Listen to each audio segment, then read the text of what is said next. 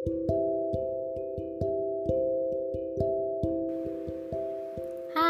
ketemu lagi dengan aku Dita Juta, guru BK kalian semua. Siapa yang kangen sama aku? Eh, ternyata nggak ada. ya maaf deh, kalau memang selama ini aku udah nggak pernah update lagi tentang podcast aku. Ya pokoknya udah aku jelasin lah di episode yang klarifikasi kemarin. Nah, sekarang aku bakal bahas tentang belum ikhlas. Nah, kemarin itu sebenarnya ada banyak sih yang DM aku tentang belum ikhlas. Emang banyak kali ya yang ya kayaknya kita semua pasti punya deh sesuatu yang belum kita ikhlasin entah sesepele apa pun itu. Kayak aku juga sebenarnya punya gitu kan. Cuman ya ya gimana lagi? Kayaknya kita semua pasti punya hal yang belum kita bisa terima dengan sepenuhnya gitu loh. Entah sesepele apa pun kayak misalnya kita lagi makan makanan yang enak banget yang kita sukain banget eh terus nggak sengaja jatuh. Itu kan sepele ya tapi rasanya sebel gak sih? Nyesek gak sih? Kayak sayang banget sih ini masih banyak makanannya kok bisa jatuh gitu kayak ya sepele itu kita pasti pernah lah mengalami itu dan mungkin sampai sekarang masih kita simpen gitu entah tentang apa pun mungkin tentang pekerjaan tentang asmara tentang keluarga pasti kita punyalah sesuatu yang belum bisa kita terima yang mungkin sampai sekarang kita masih nanya-nanya gitu kenapa sih kok aku harus kayak begini? Kenapa sih Tuhan harus memberikan aku keadaan yang seperti ini gitu kali ya. Nah terus kemarin itu ada yang cerita kalau misalnya dia itu lagi deket nih sama perempuan gitu kan. Perempuan itu sosok yang dia kagumin gitu karena mirip sama ibunya gitu kan. Nah terus ya singkat cerita mereka jadi deket lah. Jalan beberapa bulan Terus sampai ke tahap yang agak serius gitu. Jadi udah udah ngomongin tentang pernikahan Terus kayaknya sih udah udah saling kenal juga orang tuanya gitu kan. Tapi ya siapa yang jamin sih ya kan? Eh ternyata bener Si ceweknya ini ngilang gitu. Jadi di WA nggak bales, di telepon nggak ngangkat, itu tiba-tiba hilang aja gitu kan. Terus ya pokoknya entah berapa lama ngilangnya itu sampai akhirnya si cowoknya nanya kamu tuh kenapa sih gitu kan. Terus akhirnya si ceweknya jujur kalau misalnya si ceweknya juga nggak ngerti kenapa gitu maksudnya. Ya ceweknya nggak tahu ya perasaan kan emang segampang itu berubah ya terus ya itu ceweknya bilangnya dari awal tuh emang nggak suka sama si cowoknya itu. Ya jahat banget sih emang. Maksudnya kalau misalnya emang dari awal nggak pernah suka ya kenapa harus diiyain gitu kenapa harus sampai sejauh itu sampai ngomongin nikah? Si ceweknya juga kayak udah kayak udah mantep banget gitu. Terus ya itu ngilang terus ngomong kalau nggak pernah suka. Terus si cowoknya nyari penjelasan kenapa kok bisa kayak gini gitu kan. Nah si ceweknya itu juga nggak tahu kenapa nggak tahu alasannya kayak se ya segampang itu berubah aja gitu. Nah terus tuh ya udah si cowoknya masih tetap kekeh ngubungin lah minta maaf segala macem. Nah si ceweknya justru mungkin ngerasanya risih akhirnya malah diblok tuh. Nah yang jadi hal yang belum diikhlasin dari si cowoknya adalah yaitu kenapa sih si ceweknya ini uh, kalau misalnya dari awal udah nggak suka ya kenapa harus ibaratnya ngasih kesempatan buat cowoknya gitu. Dan kenapa segampang itu berubah gitu kan? Kenapa ngilang tanpa alasan yang nggak jelas penyebabnya apa? Kalau misalnya mungkin kalau si ceweknya ngomong aku udah punya cowok lain nah atau apa ya dengan alasan yang lain mungkin. Mungkin si cowoknya ya pasti nggak terima tetap cuman ada hal yang apa ya setidaknya nggak dia pertanyain lagi gitu. Setidaknya sampai sekarang tuh nggak penasaran gitu ya nggak sih? Tetap sakit ya jelas lah sakit. Siapa sih yang nggak sakit? Di putusin nggak jelas kayak gitu ya kan? Di tinggal menghilang tanpa alasan kayak gitu siapa sih yang nggak sakit? Cuma setidaknya kalau misalnya alasannya jelas setidaknya ya si cowoknya nggak bertanya-tanya nggak nggak terus penasaran gitu. Nah itu itu hal yang belum diikhlasin sampai sekarang gitu. Dan ya ya itu tadi sih yang aku bilang sesepele apa pun aja kita tuh sering banget gak ikhlas gitu kan. Kayak duit hilang 20 ribu aja kepikiran gak sih? Ini duit ke mana sih? Kok hilang? Pasti kan kayak gitu ya apalagi ini orang yang kita cintain gitu hilang tanpa sebab itu kan. Wah itu sih pasti berat banget. Nah terus yang kita bahas sekarang adalah kenapa sih kok bisa ikhlas itu berat banget buat dilakuin? Ya jelas berat sih. Ya karena apa ya manusia kan pasti punya ekspektasi punya harapan. Entah sepele apa pun harapan itu kayak misalnya kita makan nih di suatu tempat yang mungkin harga makanannya lumayan mahal terus kita ekspektasinya karena dia mahal harusnya enak dong ya kan? Eh terus ternyata makanannya itu nggak enak sama sekali. Bener-bener bukan seleranya kita itu aja nggak ikhlas kan ya kita. Kayak apaan sih nih? Mahal banget. Tahu gini mending makan di tempat biasanya aja yang murah dan enak. Kayak gitu kan. Semua manusia kan pasti punya harapan punya keinginan punya apa ya rencana. Dan Sayangnya, keadaan terus orang lain yang berhubungan dengan rencana kita, keinginannya kita, itu nggak bisa kita kendaliin. Dan itu bisa ya semaunya mereka banget, semaunya keadaan lah. Yang itu bener-bener kita nggak bisa kendaliin gitu. Kayak gini deh, pas waktu corona kayak gini aja nih kita punya rencana nih mau ke mana misalnya mau pergi ke mana atau mau punya apa ya mau investasi apa gitu kan kita punya pegangan uang misalnya walaupun punya tabungan sekian misalnya. Terus karena corona ini akhirnya pengeluaran jadi lebih banyak. Itu kan benar-benar di luar kendali kita ya. Dan kita nggak bisa apa-apa di situ ya. Kita cuma bisa menjalani apa yang bisa kita lakuin aja. Nah sama nih kayak misalnya si masnya ini. Masnya udah punya rencana bakalan nikah bakal ibaratnya hidup bahagia sama mbaknya ini gitu kan. Tapi mbaknya pergi itu kan di luar kendali masnya ya gitu kan. Dan itu pasti berat banget gitu kan. Apalagi kita udah punya ekspektasi yang ya sejauh apalah itu harapannya seindah apa ya ternyata kenyataan putar balik dengan sebegitu gilanya gitu. Kalau kata tempat bercakap tuh aku masih banget ada teks yang kayak gitu. Ya intinya sih ada banyak hal yang gak bisa kita kendaliin gitu. Dan kita nggak bisa ngapa-ngapain tentang keadaan tentang orang lain yang bisa kita kendaliin ya. Diri kita sendiri mungkin dari awal kalau misalnya ke depannya mungkin ya. Ke depannya kita kalau misalnya ketemu orang baru lagi ya ekspektasinya secukupnya lah.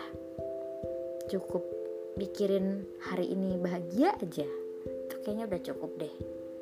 Atau setidaknya hari ini nggak ada yang bikin kita sedih aja. Atau hari ini berjalan baik-baik aja aja. Itu kayaknya udah cukup itu jangan terlalu muluk-muluk kita mikirin masa depan 10 tahun ke depan. Ya pasti ya iya sih harus. Harus ada rencana 10 tahun ke depan segala macam gitu kan emang kita harus punya rencana di masa depan kita harus seperti apa? Berapa tahun kemudian kita punya rencana apa? Iya jelas. Tapi itu rencana ya bukan ekspektasi. Kalau rencana kita harus mempersiapkan baik dan buruknya. Tapi kalau misalnya ekspektasi itu kita cuman berangan-angan positifnya aja bahagia bahagianya aja gitu loh. Itu bedanya. Kita perlu merencanakan beberapa tahun ke depan tapi jangan berekspektasi terlalu jauh di masa depan kita akan seperti ini seperti itu. Akhirnya kalau misalnya itu nggak terjadi kita pasti bakal kecewa banget gitu. Dan semakin besar ketidakikhlasan yang kita rasain gitu. Itu sih yang bikin berat gitu kan. Dan apa ya ada banyak hal yang kita tuh bener-bener nggak bisa itu luar kendali kita. Kita dilahirin dari orang tua yang seperti apa dengan keadaan ekonomi yang seperti apa. Terus sekarang keadaannya bagaimana gitu kan. Kayak kita lagi pandemi gini kita bisa apa coba ya? Kita bisa cuman bisa ngelakuin ya jaga kesehatan sebaik mungkin jaga keuangan biar tetap stabil walaupun pengeluaran makin banyak lah pemasukannya juga makin dikit ya kita bisa lakukan cuma itu doang. Kita nggak bisa menghentikan virus coronanya kan gitu kan. Kita benar-benar cuma bisa ya berharap berdoa sebanyak-banyaknya berharap biar dokter di luar sana bisa menemukan antivirusnya. Ya udah cuman itu doang yang bisa kita lakuin gitu kan hidup emang banyak apa ya hidup itu emang banyak kejutan sih. Kejutan baik kejutan buruk ya itu pasti bakalan balance gitu kan. Dan kita pasti ya jelas yang namanya manusia kita pasti pengennya senang-senangnya doang. Tapi ketika kita senang terus ya pasti bakalan hampa juga sih rasanya. Kamu pernah gak sih jalanin hubungan yang gak ada konflik sama sekali akhirnya tuh bosen banget kayak apaan sih? gitu kayak kayak gini-gini terus ya gitu kan. Kayak perlu ada konflik sedikit gitu kan di mana kita bisa jadi lebih apa ya ngerasa challenging gitu. Akhirnya ketika konflik itu udah selesai itu rasa bahagianya tuh kerasa jadi berkali-kali lipat sih daripada bahagia biasanya. Kayak gitu. Ya emang namanya hidup kan gak mungkin senang terus kan. Ya emang begitulah seneng sedihnya hidup ya bukan kita yang kendaliin gitu. Ya kita cuma bisa menerima itu menerima apa yang ada. Terus gimana coba caranya menerima keadaan? Gimana caranya ikhlas?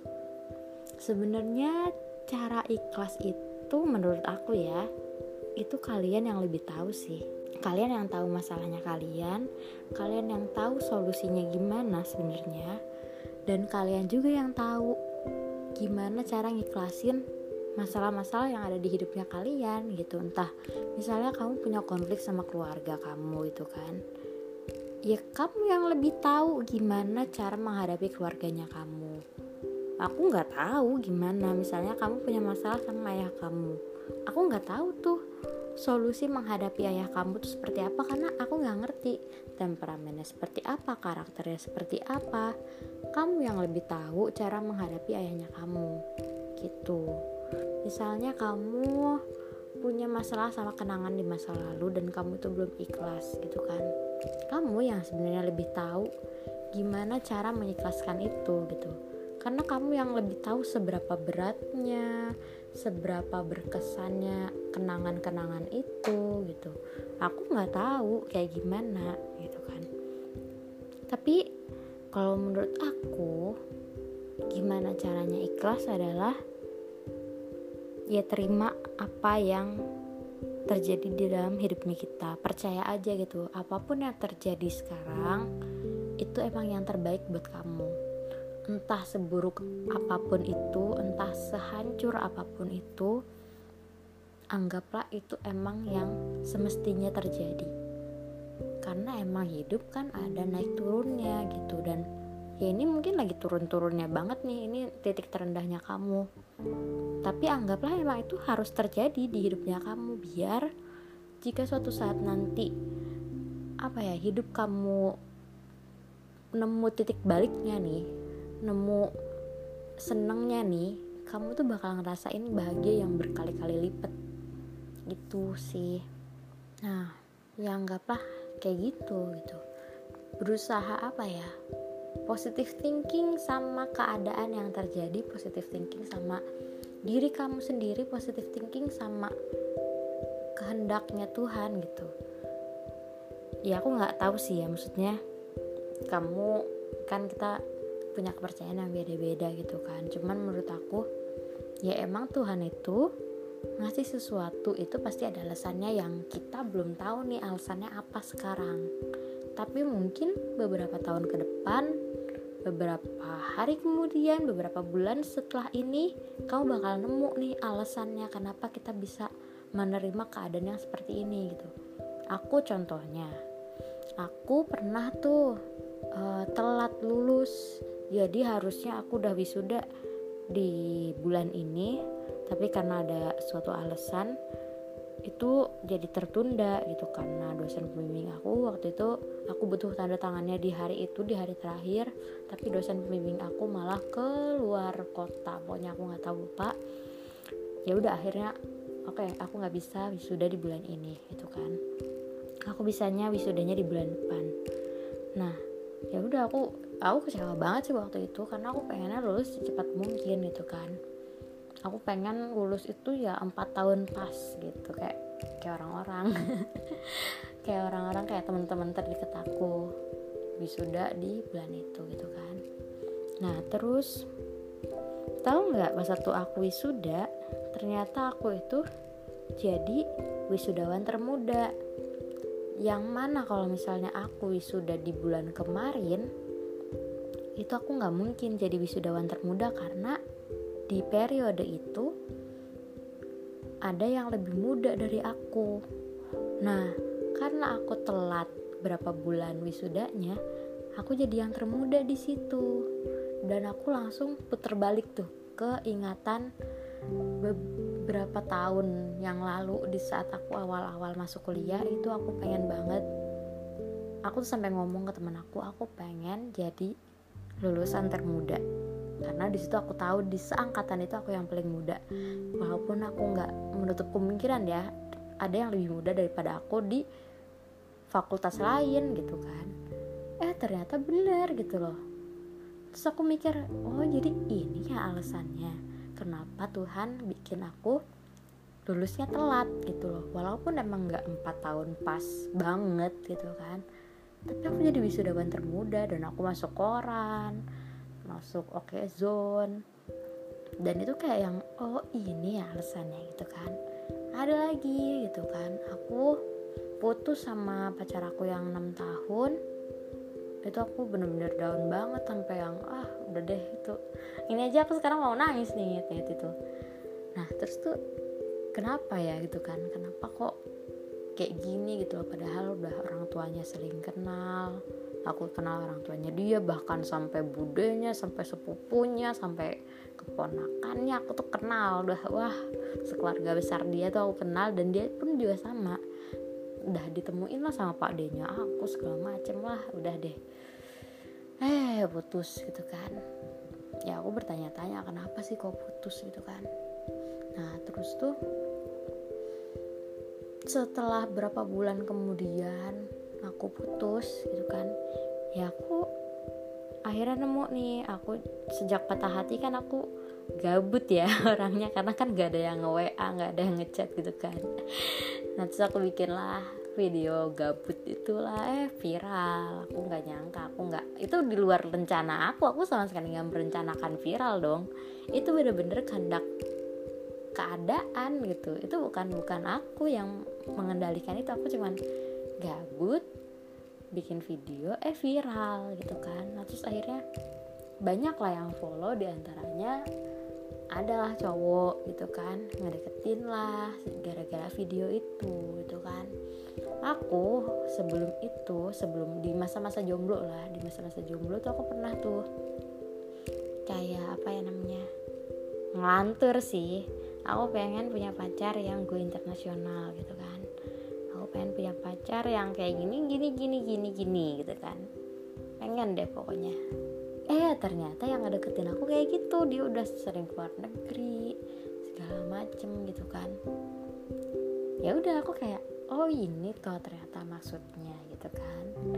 Ya itu aku besar kepala aja sih aku me, apa ya aku terlalu cepat menyimpulkan bahwa dia itu jawabannya aku gitu kan. Ternyata enggak ternyata emang keadaan putar balik lagi tuh. Bukan bukan itu ternyata jawabannya.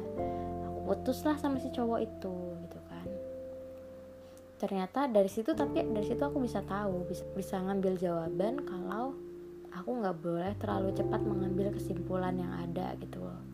Bahwa hidup emang gak seindah itu juga kali. Masa gampang banget sih kamu habis patah hati terus sekali patah hati langsung nemu jodoh kamu tuh ternyata nggak segampang itu gitu kan. Nggak seindah yang kamu pikirin ternyata gitu kan. Aku emang aku akuin waktu itu aku terlalu besar kepala menganggap dia itu jawaban aku selama ini ternyata bukan. Tapi ya setelah itu ketemu lagi sama orang yang baik gitu kan. Sama dia juga nemuin aku dari video yang viral itu. Sampai sekarang sih masih deket itu cuman aku nggak mau mengulangi kesalahan aku yang sama terlalu cepat mengambil kesimpulan gitu ya udah jalan aja apa yang ada. Terus aku juga apa ya lebih realistis sih semua hal yang datang itu pasti bakalan pergi entah apa pun alasannya. Yang nikah juga bisa cerai yang nikah bisa berakhir dengan ditinggal meninggal di luar ya semua yang datang pasti akan pergi entah apa pun itu alasannya. Dan emang hidup nggak seindah itu. Ya kita perlu realistis lah. Emang hidup nggak akan seindah yang kita pikirin yang belajar kuliah kerja nikah hidup bahagia itu kayaknya nggak segampang itu. Pasti ada kalikunya lah gitu loh. Siapa pun yang kita lihat seolah-olah bahagia itu pasti dia juga punya lika-liku hidupnya sendiri yang kita nggak pernah tahu itu kan. Ya mungkin dia pernah punya titik terendahnya yang bener-bener justru lebih hancur daripada hidupnya kita kita kan nggak pernah tahu. Kita kan nggak pernah tahu hidupnya orang tuh sehancur apa semenyedihkan apa semenderita apa. Karena yang kita tunjukkan pasti kan yang bahagia bahagianya aja ya. Paling yang sedih-sedihnya ditunjukin ya dikit doang lah cuman sekelumit doang nggak mungkin yang semuanya kita tunjukin gitu kan. Kecuali emang ada orang-orang yang tertentu yang playing victim yang apa ya justru malah membongkar kesedihannya secara berlebihan gitu. Padahal ya mungkin nggak sesedih itu juga mungkin gitu kan. Ya emang hidup gak seindah itu tapi hidup gak semenderita itu juga kok gitu kan. Kita pasti nemu lah titik bahagianya kita entah kapan kita nggak pernah tahu tapi semoga kebahagiaannya kita itu datang sesegera mungkin di waktu yang tepat di waktu kita bener-bener yang mungkin udah pasrah sepasrah pasrahnya di saat kita udah putus asa kita udah adalah terserah Tuhan aja gitu.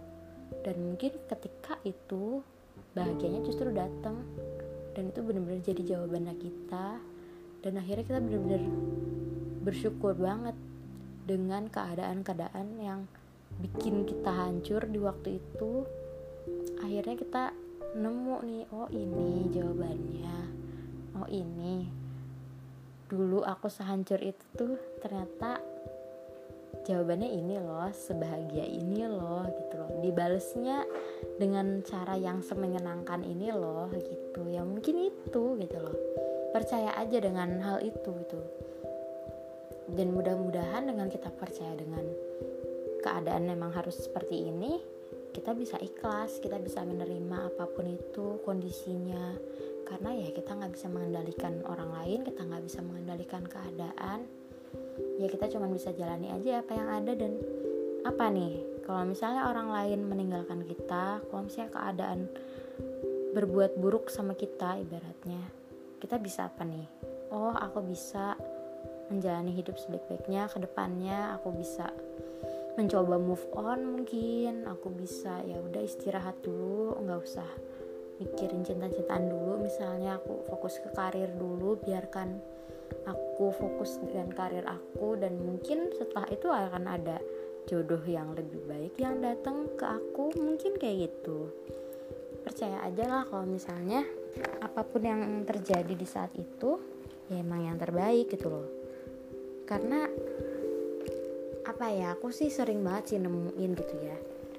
Aku tipe orang yang percaya kalau pilihan orang tua itu emang baik buat kita. Walaupun emang gak semuanya sih. Emang gak semuanya sih emang. Cuman gimana ya ada beberapa firasat orang tua itu yang bener gitu. Walaupun pasti ada beberapa lainnya yang salah. Tapi aku tipe orang yang percaya kalau firasat orang tua itu kuat banget dan kalau misalnya orang tua bilang jangan itu baiknya kita pikirin.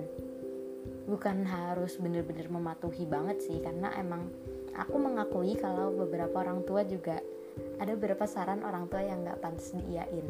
Ya pokoknya di sini aku juga netral sih maksudnya nggak semua orang tua itu sarannya selalu benar gitu. Pasti ada beberapa yang perlu kita pertimbangin kita diskusiin bareng-bareng untuk nemuin solusi yang terbaik gitu. Nah jadi aku tahu aku kenal seseorang gitu kan. Dia ini pengen nikah lah sama orang lah gitu kan. Orang tuanya bilang jangan gitu kan. Karena ya adalah alasannya karena kayak gini gini gini gini gini gitu kan. Tapi si orang ini kekeh nih nikah gitu kan. Eh ternyata bener apa yang diomongin orang tuanya gitu kan. Ternyata ya pokoknya pernikahannya nggak bahagia lah gitu akhirnya cerai gitu. Nah maksud aku gini loh ketika kita itu dihadapkan dengan situasi yang nggak mengenakan buat kita gitu kan ya mungkin kalau misalnya gini misalkan gini kita putus nih sama orang gitu kan. Kita mikirnya mikir kayak gini aja. Oh jangan-jangan kalau misalnya kita tetap sama dia kita malah lebih nggak bahagia lagi. Oh mungkin nanti malah di masa depan aku makin sedih kali kalau sama dia. Kayak gitu sih aku mikirnya kayak gitu. Nah ya pikiran-pikiran kayak gini mungkin sedikit menghibur kali ya ketika kita lagi sedih gitu loh. Dan mungkin bisa membantu kita menerima keadaan yang ada gitu gitu sih menurut aku. Jadi ada beberapa hal yang kita perlu pikirin kayak gitu. Buat menghibur diri sih walaupun entah itu alasannya bener apa enggak nggak tahu. Cuman aku yakin Tuhan punya caranya sendiri punya waktunya sendiri buat ngasih tahu kita jawabannya itu apa sih ketika di kita berada di kondisi yang nggak mengenakan buat kita gitu. Terus gini loh uh, terkait masnya tadi terkait cerita masnya tadi. Ketika kita ditinggalin seseorang tanpa alasan gitu kan. Jangan-jangan kalau misalnya kita makin nyari tahu alasannya itu makin sakit kita gitu loh. Ada beberapa hal yang emang kita tuh nggak perlu tahu alasannya apa. Karena kalau misalnya kita makin nyari tahu kita makin sakit. Gitu. Jadi ya kalau misalnya emang kita nggak nemu jawabannya sekarang ya udah nggak usah dicari-cari. Karena kalau misalnya makin dicari ya mungkin kita makin terpuruk makin nggak terima. Jadi ya udah kalau misalnya emang belum nemu jawabannya ya udah gitu aja sih kalau menurut aku. Dan kalau menurut aku kalau emang belum ikhlas sekarang jangan dipaksa lah maksudnya. Ya kalau emang kamu belum terima sekarang ya udah jangan dipaksa aku harus ikhlas. Aku harus ikhlas secepat mungkin itu. Ya enggak. Kamu nggak harus ikhlas sekarang kok. Mikirnya juga jangan bilang kamu nggak ikhlas. Kamu bilangnya aku belum ikhlas. Jadi kalau misalnya belum berarti kan kolak suatu saat nanti aku bakal ikhlas. Gitu. Tapi ya emang jangan dipaksa karena semakin semakin kamu maksa semakin susah kamu ikhlas justru. Jadi ya udah pelan-pelan aja lah. Tapi ya sambil berlatih untuk berpikir emang ini yang harusnya terjadi. Emang aku harus bisa terima ini. Mungkin suatu saat nanti aku bakal nemu jawabannya apa. Ya udah kayak gitu aja jangan dipaksain nemu jawabannya sekarang. Jangan dipaksain harus ikhlas sekarang. Gitu karena ya sesuatu yang dipaksa itu kan pasti nggak enak ya gitu sih dari aku. Dan aku mau ngasih tahu kalian kalau misalnya kalian mau curhat mau cerita itu jangan ke aku jangan DM karena aku nggak akan bales nggak akan iya aku baca sih. Cuman untuk bales itu tuh gimana ya? Harus ada komitmen dari aku harus ada tanggung jawab dari aku buat menyelesaikan masalahnya kalian bukan menyelesaikan sih membantu kalian menyelesaikan masalahnya kalian gitu. Dan itu nggak mungkin sekali konsultasi selesai itu pastinya kayak gitu. Kalau misalnya sekali selesai ya seolah-olah gitu ya sekali curhat selesai gitu. Tapi pasti entah di kemudian hari kalian kalau misalnya mau cerita jadinya ke aku lagi dan itu aku belum tentu bisa gitu. Jadi aku dan aku belum sanggup itu. Aku jujur aku nggak sanggup berkomitmen untuk membantu kalian menyelesaikan masalahnya kalian gitu. Ya paling kalau misalnya mau cerita ya kayak gini. Aku jadiin podcast malahan dan itu belum tentu semua pertanyaan kalian terjawab gitu. Kalau misalnya kalian mau cerita mau curhat ke konselia.id di situ gratis. Selama masa pandemi ini gratis tinggal dihubungin itu ada di twitternya di bio aku. Itu langsung ada nomor wa nya juga kalian langsung kontak aja gitu. Jadi jangan kaku aku nggak akan apa ya aku tuh kan punya tanggung jawab sendiri ya dengan murid-murid aku kan. Dan aku udah itu udah cukup gitu buat aku. Kalau misalnya aku sampai kalau misalnya aku harus bertanggung jawab juga dengan masalahnya kalian aku kayak nggak sanggup gitu. Jadi aku menyarankan ke kalian kalau misalnya kalian mau curhat mau cerita ke konselia.id aja oke? Okay? udah gitu aja dari aku. Semoga kalian yang belum ikhlas semoga segera bisa menerima apa pun kondisinya kalian. Semoga kalian bisa menjalani hidup sebaik-baiknya. Semoga suatu saat nanti di waktu yang tepat kalian menemukan jawabannya dan itu bisa bikin kalian ikhlas seikhlas-ikhlasnya gitu aja oke okay? see you bye bye